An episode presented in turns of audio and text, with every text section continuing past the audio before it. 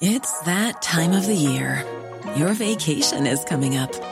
You can already hear the beach waves, feel the warm breeze, relax, and think about work. You really, really want it all to work out while you're away. Monday.com gives you and the team that peace of mind. When all work is on one platform and everyone's in sync, things just flow wherever you are. Tap the banner to go to Monday.com. Quality sleep is essential. That's why the Sleep Number Smart Bed is designed for your ever evolving sleep needs. Need a bed that's firmer or softer on either side? Helps you sleep at a comfortable temperature? Sleep Number Smart Beds let you individualize your comfort so you sleep better together. JD Power ranks Sleep Number number 1 in customer satisfaction with mattresses purchased in-store. And now, save 50% on the Sleep Number limited edition Smart Bed for a limited time. For JD Power 2023 award information, visit jdpower.com/awards. Only at a Sleep Number store or sleepnumber.com.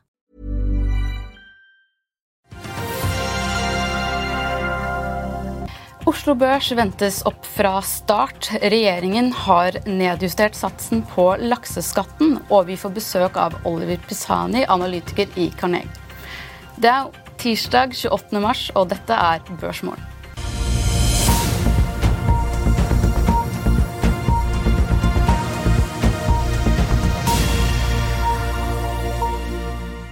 En riktig god morgen og velkommen til Børsmorgen hos oss i Finansavisen. Mitt navn er Benedikte Storm Bamvik, og med meg har jeg aksjekommentator Karl Johan Molnes. Senere i sendingen får vi også besøk av Oliver Pisani, teknologianalytiker i Carnegie. Men først skal vi se nærmere på børsdagen i går, der Oslo Børs endte handelsdagen med en oppgang på 1,5% med god drahjelp fra oljeprisen, som var opp 2% til 76 dollar og 51 cent ved handelsslutt i går. Oljeprisen dro også med seg olje- og oljerelaterte aksjer, der Equinor steg 1,7% til 286 kroner. Eh, flere sjømataksjer steg også i går i påvente av dagens forslag til ny lakseskatt. Ellers så var det en blandet dag på Wall Street i går, der SMP 500 og Dow Jones steg henholdsvis 0,17 og 0,61% mens teknologitunge Nasdaq falt 0,47 First Citizen Bankshares steg kraftig på børs i går etter at, eh, etter at, de annonserte at de kjøper alle gjenværende eiendeler, innskudd og lån fra kriserammede Silicon Valley Bank for 72 milliarder dollar. Noe som representerer en rabatt på 16,5 milliarder dollar. Etter oppkjøpet ventes det at First Citizen skal rykke opp til å være blant de 20 største bankene i USA. Samtidig falt volatilitetsindeksen i går med 4,83% mens tiårige amerikanske statsobligasjoner steg til 3,54 Når det gjelder markedene i Asia og stillehavsområdet, er japanske Nikkei ned 0,2% i løpet av morgentimene. Samtidig er Shanghai Composites opp 0,1% Hang Seng i Hongkong er opp 0,7% mens Kospi i Sør-Korea stiger 0,6 her hjemme venter både Nordnett og DNB Markets at Oslo Børs starter med en oppgang på 0,6% Når det gjelder oljeprisen, så har den falt i dag med 0,50% og et fat nordsjøolje handles nå for 77 dollar og 35 cent. I løpet av morgentimene har regjeringen lagt frem stortingsproposisjonen for grunnrenteskatt på havbruk, der de foreslår at lakseoppdrettere skal beskattes med 35% Det er lavere enn forslaget, som var på 40% i fjor. Mer om dette senere i sendingen. Vi er straks tilbake med Oliver Pisani rett etter en kort pause. Vil du bli oppdatert på det viktigste som har skjedd innen finans og næringsliv? Da er det bare å følge med, for hver morgen er jeg, Marius Lorentzen og aksjekommentator Karl Johan Malnes på plass i studio for å ta tempen på dagens marked i Børsmorgen. Og hver ettermiddag oppsummerer vi alt du trenger å vite i økonominyhetene, og det blir selvfølgelig masse interessante gjester. Klikk deg inn på fa.no-tv, eller søk opp Børsmorgen og Økonominyhetene der du hører på podkast. Det er nå seks måneder siden regjeringen varslet at de ville innføre en grunnrenteskatt på havbruk. Både oppdrettsnæringen, investorer og analytikere har ventet i spenning på at den endelige proposisjonen skulle legges frem. Det var i utgangspunktet foreslått en skatt på 40% i tillegg til en selskapsskatt på 22 I dag foreslo derimot regjeringen å sette skattesatsen til 35% Vi har noen klipp av eh, Vedum nå som vi kan gå tilbake til. Så har det vært diskusjon om det her med hvordan skal man fastsette prisen. For det er jo grunnrenta blir jo til på at man bruker eh, fjordene, at man har tilgang til fjord. Altså når, når laksen er i vannet. I 2023 eh, så blir det egenfastsetting. Selskapene fastsetter sin eh, pris ved merdekanten. Og fra 2024 så blir det et uavhengig prisråd, sånn som vi varsla før jul. Så er det et nytt element at man får et inntektsfradrag på 40% for de konsesjonene man kjøpte da i 2018 og 2020, og fastpris i 2020. De selskapene som kjøpte, skjønner veldig godt hva det her innebærer. Altså de får da et fradrag i grunnrentebeskatninga med bakgrunn i de kostnadene de har på å kjøpe konsesjoner i 2018 og 2020. Yes, det var da klipp fra dagens eh, møte. Ja. skal vi se, da er eh, Oslo Børs eh, i gang. Eh, og skal vi se litt på sjømataksjene her. Det er litt blandet eh, utvikling, ser vi. SalMar er ned 2,19% mens Bakkafrost stiger 1,21 Mowi faller også svakt, samtidig med Lerøy som faller over 2 Eh, Karl Johan, hva er dine umiddelbare reaksjoner til eh, den nye satten? Ja, dette, er, dette, er, jo politikk, så det er veldig vanskelig å vite hva som er utfallet. Og, men, men, det som er spesielt her, er jo at det, det, er enkelte analytikere som har tatt ned estimatene sine på skatten ned til 15% og at det ligger inne i estimatene. Og når det nå blir 30, forslaget 35% og det skal gjennom Stortinget der SV vil ha 48% og de andre partiene ikke vil spille på lag og ikke vil ha denne skatten, så, så er det litt vanskelig å vite hva skatten faktisk vil bli. Men den kan jo bli 35, men den kan også bli 40. Eh, og så kan den bli borte igjen om to år. Så her er det veldig mye usikkerhet. Men umiddelbart så skal estimatene ned, og en aksje som SalMar som handles til 18 ganger resultatene for i år, eh, det er veldig mye dyrere enn andre. og Det er også den, den aksjen som er mest utsatt for eh, lakseskatten, fordi at eh, det er de som driver med De har minst videreforedling, da, så de har mest, og mest oppdrett i Norge. Så SalMar-aksjen skal ned på dette, så de har all grunn til å være skuffa over dette utfallet her. Mm. Hvordan tror du eh, oppdretterne ellers reagerer på dette forslaget nå? Nei, de er nå selvsagt eh, ikke fornøyd med dette. De er rasende. Men det, det som jeg også syns er litt dumt, er jo at pengene her går jo til kommuner og fylker. og De er jo bunnløse. Det er jo akkurat som tenåringer. Du kan jo gi de ubegrensa med penger. og De bruker jo alt de får. Næringa har to problemer. Det er å få bort lakselus. og Det, eh, det er ene problemet, og det tar jo livet av 20 eh, av fisken. og De bruker 365 forskjellige måter å bli kvitt dette på, og ennå ikke klart å få bort lakselusa. Og det andre er da kloakkavfallet som er fra disse. De, de, det er en bransje som driver som landbruket gjorde på 60-tallet. og de pengene som kommunene og fylker drar inn, skulle vært brukt til å adressere direkte de to store problemene. Uh, og det er det ingenting. De går rett og slett bare til kommunene. Da blir det sånn kraftkommunebingo. altså sånn At noen kommuner blir veldig rike, og de kommer til å bruke de pengene på veldig gode formål der de holder til. Hva tror du vil skje med lakseaksjene nå? Nei, det SalMar eh, skal ned på dette her, og mer enn de to prosentene den har falt på dette her. Mm, ja, Det er det viktigste. De andre er relativt billige, så det er litt vanskelig å si Movi P13 og Grieg P12 og Lerøy P12. men så De skal ned, det også, men SalMar skal mer ned enn den har falt nå. Og eh, Witzøe har all grunn til å være, være vred. Det er jo også ganske store forskjeller innad i regjeringen på hvordan de tar imot den nye lakseskatten. Er det, hvem er det som er for og imot eh, her? Det, det er eh, Regjeringen er jo samla, altså det er jo Arbeiderpartiet og Senterpartiet er samla om 35% men SV vil ha 48 og det er SV man må lene seg på for å få gjennom dette i Stortinget. For de andre vil ikke ha skatten. Og, men så er usikkerheten at eh, Høyre har sagt de skal ta den bort igjen i 2025. Eh, og det var jo Støre har jo sagt på, på pressekonferansen i dag at han søker et bredt forlik. Men det virker ikke som Høyre er interessert i det. Så det er, og det, Investorene hater dette. Du får ingen store uh, utenlandske investorer til å komme inn i dette så lenge den usikkerheten henger over det. Uansett hva du sier om at Høyre skal love å ta det bort i 2025, det er ingen som kommer til å se på denne sektoren av store investorer. Og det sitter mange store der ute. De har regnearkene klar, de ser på tre år bakover og tre år fremover. og Hvis det blir for mye støy i regnemodellene, så investerer i noe annet. Der er 20 000 andre aksjer å velge. Jeg trenger ikke å holde på med dette her hvor det er så stor usikkerhet.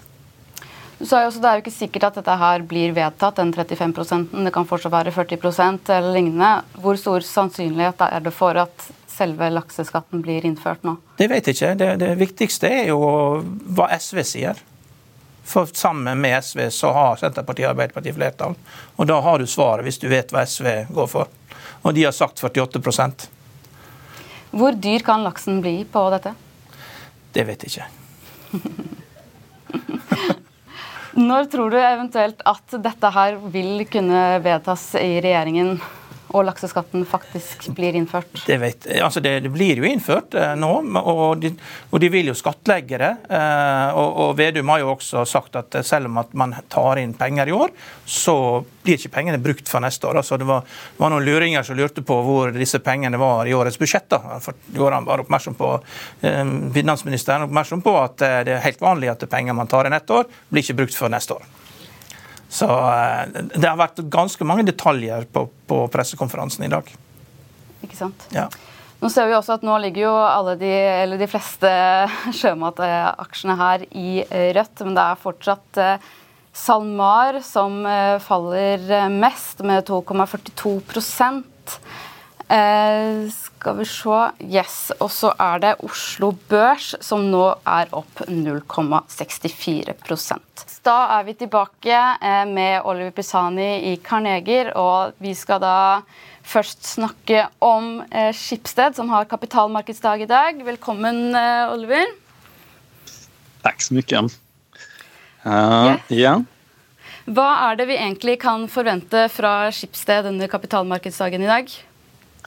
Ja, nå må jeg først notere selvfølgelig at det er min kollega Eirik Rafdal som dekker Schibsted. så at jeg, jeg har dekket den tidligere, men jeg skal være forsiktig med å melde altfor hardt på den. Men eh, du kan jo si, de har kapitalmarknadsdag, det kan vi si. Og eh, for å formidle det glade budskapet fra Eirik, så, eh, så, ser man jo at eh, de kommer med nye langsiktige finansielle mål. Eh, der de også deler inn bedriften i eh, forskjellige områden. Så bil, jobb, um, real estate och det de kallar recommerce. Uh, och sätter individuella mål för det. Uh, jag tror også det blir, så det blir en del fokus på det i forhold til de gamle targetsen. Uh, jeg tror man må regne litt på det når man kommer, kommer fram til eksakt hva endringen i estimater blir basert på det her. Men eh, en sak som også blir viktig da, det er at de kommer med en Q1 trading update, der man snakker litt om ja, hvordan det har gått i kvartalet. Uh, og der ser det vel ut som at det er en del syklisk motvind. Uh, man snakker om at det er akselererende nedgang i jobb og reklam, som jo er liksom, sykliske områder i bedriften. og man snakker også om at det blir negativ EBITDA i newsmedia. Eh, så det verkar være litt trykk på kostnadssidan her også. Eh, og ja, man kan vel se at aktien har tatt seg en liten hit på dette nå på, på Open. Den var vel ned 4% sist jeg så på dem. Um, så det er vel det. Men um, generelt så tror jeg det, det, blir som alltid i Schibsted mye fokus på marketplaces, da, dvs. Si Finn-lignende bedrifter. Um, det er jo det man setter høyest valuation multiple på i i vurderingsmodellene. Eh, så derfor så er det alltid mye fokus på det og der man gjerne vil se at veksten skal, eh, skal komme. Så eh, det tenker jeg blir dagens tema.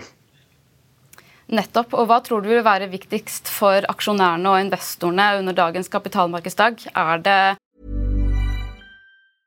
Ryan Reynolds here from Mint Mobile. With the price of just about everything going up during inflation, we thought we'd bring our prices down. So to help us, we brought in a reverse auctioneer, which is apparently a thing. Mint Mobile unlimited premium wireless. Ready to get 30, 30, bit to get 30, bit to get 20, 20, 20, bit to get 20, 20, bit to get 15, 15, 15, 15 just 15 bucks a month. So, Give it a try at mintmobile.com slash switch. $45 upfront for 3 months plus taxes and fees. Promo rate for new customers for limited time. Unlimited more than 40 gigabytes per month slows. Full terms at mintmobile.com. I'll see you in court. Vi sier det ofte litt på spøk, men for deg som driver business, er det aldri moro å innse at du ikke har laget en 100% gyldig kontrakt. Du bør ikke risikere hele firmaet ditt fordi du synes dette med kontrakter er litt stress. En avtale er ikke en avtale. Du kan miste kunder, miste venner, ja, til og med miste inntekter om du ikke lager en skikkelig kontrakt, på alt mulig, egentlig. Men vi vet det er et styr. Kopimaskiner, tregprinter og haugevis av papir. Dessuten stoler vi jo på folk her i landet. Det er ofte litt kleint å skulle be om en signatur for alt mulig, ja, for mye av styret handler også om jakten på underskriften. Det finnes en enkel måte å løse dette på, Dukkobit, en trygg, effektiv og get this, gratis måte å sikre seg en god natts søvn pluss en juridisk bindende avtale. Dukkobit-appen har de strengeste sikkerhetskrav i bunn, samt en EU-godkjent og sertifisert teknologi. Framover vil det bli behagelig å spørre du, skal vi skrive under på det, eller? Kom i gang på dukkobit.no. Dette, denne medievirksomheten?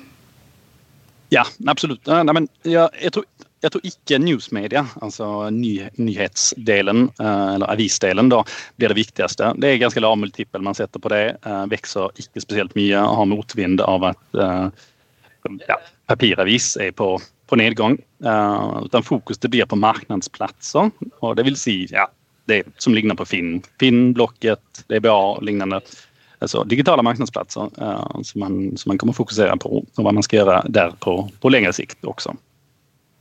Nettopp. Uh, og Oliver, du var jo også nylig ute med en fersk analyse på Crayon Group Holding, der hvor du uh, forrige uke oppgraderte aksjen 100, med et kursmål fra 128 kroner per aksje til 136. Hva er det som står bak oppgraderingen?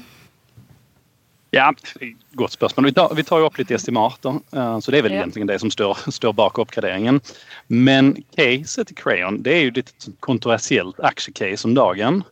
Uh, det er mye fokus på risiko i caset. Uh, man snakker mye om arbeidskapital. det har vært litt problem på Filippinene.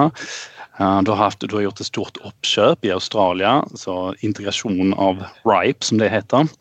Eh, og så har det også vært fokus på at det kanskje er litt overhang, da, eller potensielt noen investorer som, som skal selge, større investorer som skal selge, selge, selge seg ned eh, noen gang. Så mye, mye, snakk om det. Eh, og aksjen har jo vært utviklet seg svakt, så vi har sett mye på de her eh, riskene i analysen. Um, for å se ja, om, det, om det er noe å henge hatten på der. Og det kan man vel si at det, Selvfølgelig er det risker, og det er vanskelig å liksom avskrive allting. Men vi konkluderer vel i alle fall etter å ha sett på alle de her faktorene at gitt dagens vurdering, så får du, eh, så får du ganske godt betalt for å bære de her riskene, gitt liksom, naturen av dem. Så Det, det ene delen den Crayon-analysen, også der vi, derfor vi blir litt mer positive, for at vi har gjort den risikoanalysen. Og sen så legger vi på et nytt element som jo er ja, for, for, å skape litt hype, da, så ser vi litt på AI. Um, jeg syns AI er spennende i forhold til um, artificiell intelligens, altså, eller kunstig intelligens, som det heter på norsk.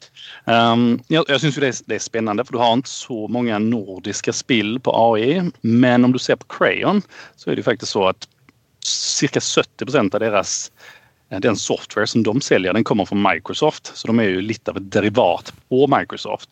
Uh, og Der har du en, en, faktor som spiller inn med at Microsoft har, har jo blitt nesten en global leder innenfor AI uh, med sitt partnerskap med OpenAI, som har, som har um, ja, gjort ChatGPT bl.a. Um, og nå ruller man ut det ganske aggressivt. Um, både på sine egne applikasjoner. Det kommer vel til Word og Excel og PowerPoint um, og Bing. Uh, men, men, også uh, som en, en cloud-tjenest. Uh, og Der tror jeg at Crayon kan spille en rolle uh, i å implementere dette ute hos bedrifter. Och det visar sig också då att Crayon har faktiskt vunnit uh, den globala Partner um, Awarden Microsoft har som awards hvert år innenfor forskjellige områder. Man vant 2019 den for AI. Man har en ganske stor organisasjon med over 100 ansatte som fokuserer på AI. Der mange, de fleste er liksom høyt utdannede um, ph.d. Uh, eller doktorgradsingeniører. Uh, um, Oliver, at, ja? Oliver hvor, hvor stort er problemet på Filippinene? Ja, men det er jo store spørsmål. Jeg tror jo der er noe problem. Du har fått en svær bot på 39 millioner. Uh, så da har, du, da har, du, gjort noe feil. på en måte. Og så har du en stor forsinket betaling på ca. 450 millioner. Nå må vi se om den betalingen kommer. Det er jo en utestående risiko, så klart. Um, og ganske, ganske signifikant. Men det er jo enda en, en one-off. Uh, og vi skulle vel, når vi regner på det, så kommer vi fram til at filippinerne om du ser som prosent av gross profit, så er det sånn 1-2% av gruppens eksponering. Så at selv om det går skikkelig galt på Filippinene, så bør altså den finansielle eksponeringen her bør være ganske begrenset. Så derfor så ehm, ja, vi, eh, vi, vi, tror kanskje at aksjen har fått litt for mye tyn uh, etter, etter, det som har skjedd på Filippinene. Um, den risken er litt overspilt. Hva, hva, sier du internasjonale investorer når du sier det er problem på Filippinene? og De sier at de har sett filmen om Wirecard, og at uh, der var jo det ingenting på Filippinene. Det, det, var jo null. Selskapet var ingenting. Og et selskap som markeds, hadde en markedsverdi på 20 milliarder euro, viste seg å ha null verdi. Eh, har du vært på Filippinene og sett, sett at det er noe fargeblyanter i skuffen, skuffen til Krajan? Nei, det, vet du hva, det, det er morsomt at du sier, for det er jo typisk noe som man, eh, det er en sånn magefølelsesreaksjon. det der at Oi, Filippinene, eh, husker du Wirecard? og De holdt også på med noen, noen software og lignende. Så det, det, blir jo den direkte referensen. og Derfor så tror jeg det har blitt ekstra mye måte, risk off basert på dette. Jeg har ikke vært på Filippinene selv. Jeg så at du må ta det, Melissa... Det er jo en perfekt unnskyldning til å reise til Filippinene. Ja, det, er det, det er det. Men jeg så at Melissa hadde vært der, det Si säga administrerende direktør i Crayon ganske nyligen. Eh, och då såg jag någon ansatt där. Och uh, vi vet också att de vann ett svärt um, kontrakt på 100 miljoner dollar i 2020 som man annonserade då. Så där, jag, där, det ska vara någon business på Filippinerna i alla fall och så må man, uh, må man håpe at den eksponeringen man har, at det ikke går, går helt galt der. Men med denne nye eh, anbefalingen så du, ser du jo også en oppside på nærmest 70 i hvert fall fra kursen da analysen kom ut. Mm. Eh, er, vil du sagt at Crayon er blant dine topics, eller er det noen andre aksjer eh, som du favoriserer i sektoren nå?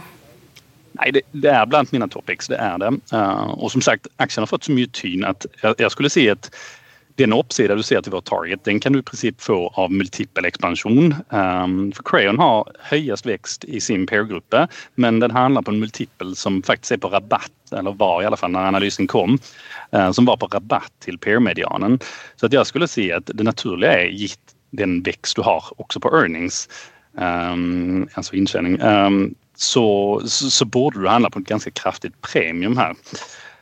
Um, så det er vel litt vår tese. at Får du litt, lavere, får du litt mer klarhet på risikosiden, uh, så kan man se litt med, med litt lengre briller, se litt på hva AI gjør med strukturell vekst i Crayon, og uh, så, så, bør du kunne ha en signifikant høyere multiple her. Så at um, vi, vi, er positive. Um, og så er det alltid risker med alle investeringer, men, um, men vi håper at man får uh, godt betalt for å bære dem uh, her i dette caset. Mm. Er det derimot noen aksjer som du anser som litt mer eh, risikofylte i dette børsmiljøet som vi befinner oss i nå? Um, er det det? Altså, skal man se på bare min anbefalingsliste, så har vi jo salg, vi har jo salg på Pexip. Um, og ja, der har vi vel sett et case der man har gått fra en uh, veldig positiv til, til ganske negativ vekst. Uh, du opererer i en marknad med generelt svak etterspørsel, spesielt etter covid. Eh, det er hård konkurrens. Eh, og man forsøker å snu skuta i en ny strategisk retning samtidig som man holder på å nedbemanne kraftig. Man, der har man en ganske utfordrende position posisjon. Altså. Det ser vanskelig ut å vokse en stor del av liksom, din base i dag, din inntektsbase i dag, er veldig konkurranseutfordret. Og I tillegg så handler det på høye multipler. Det handler faktisk på pre til Zoom om ser på EP-bit eller PE-multipler. Så den syns jeg, den syns jeg har gått litt for mye på litt for kort tid. Og at risken er litt for høy der, blant annet. Um, annars har vi også hold-anbefalinger på Kahoot og Nordic Semi, så vi er litt avholds til, til de også. Nettopp. Tusen takk for at du kom, Oliver. Yes, Vi nærmer oss slutten på dagens sending, men uh, først skal vi se litt på uh, sjømataksjene, som fortsatt er i en nedgående trend her på Oslo Børs. Samtidig så stiger nå Oslo Børs med 0,24% Karl Johan, hvor, uh, hvor stor tror du fallet faktisk kommer til å bli i dag? Nei, Det vet jeg ikke. Det ser jo ut som at det, det, er ikke noen som Så de som har solgt i SalMar og Movi, har allerede gjort det. Så det er ikke noe, det er ikke noe stort utslag, egentlig. Det er jo litt overraskende. Det, for det betyr jo det at man har egentlig forventa dette her. Men analytikere, det er mange analytikere som ligger inne med 15% skatt, og de må ta ned estimatene sine.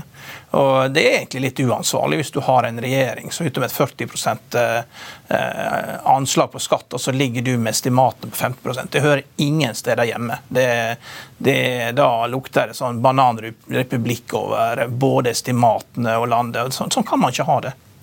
Nei, og Nå er jo SalMar ned over 3% Er det noen Det er vel kanskje deres tilknytning til lakseoppdretten som gjør at de faller eller er det noe som skiller dem fra de andre som gjør at den faller ekstra? Nei, det, nei men det, SalMar det er jo ganske god omsetning i aksjene. Ja. Mest omsatt på Oslo Børs. Og det er nok noen som selger, det, men de som kjøper, det er jo noen som tenker seg sikkert som så at her, denne skatten her, den kommer ikke til å stå. Det blir høyere regjering fra 2025, og da er det tilbake igjen til, det, til der vi var. Og eh, det skal man være litt forsiktig med, for i politikken så er selv ei uke veldig lang tid. Og vi skal gjennom en nedgangskonjunktur, og det er mange ting som kan skje på to år. Og, eh, og eh, det som kjennetegner politiske partier, er jo det som også kjennetegner gode finansanalytikere, det er jo evnen til å snu på saker på en troverdig måte. og Det har jo Høyre allerede gjort det en gang her, og kan de gjøre en gang til. Nettopp. Ja. Yes. Men jeg ser jo Schibsted er 7% Det er jo ganske stort utslag. Så det er jo en enda større nyhet enn kapitalmarkedsdagen. Så der, vært, nei, der er jo en stor skuffelse. Det er noen som ikke er happy. Det er vel, eh, Hva tror du er årsaken der? Tror det er eh, at de ikke fokuserer på news media-segment i dag, hvor det er knyttet litt usikkerhet fra før av?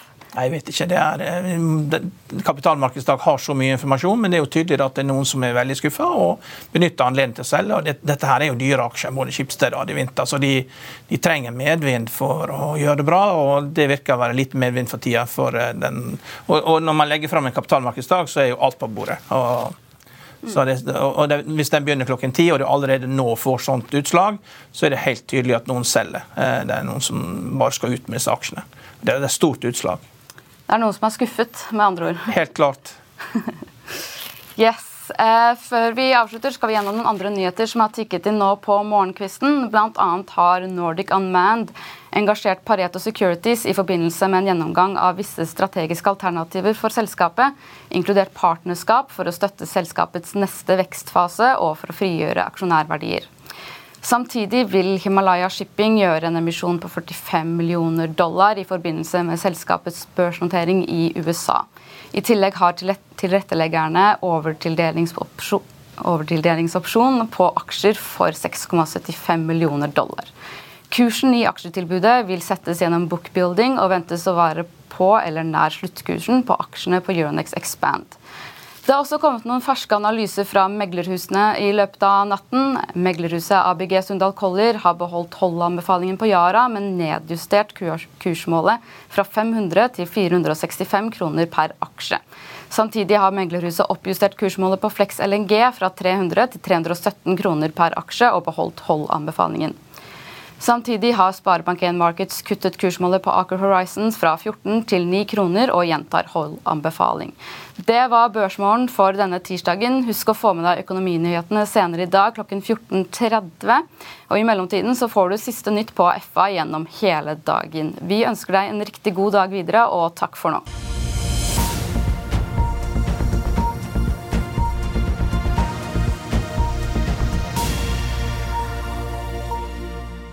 Økonominyhetene er en podkast fra Finansavisen. Programledere er Marius Lorentzen, Stein Ove Haugen og Benedikte Storm Bamvik.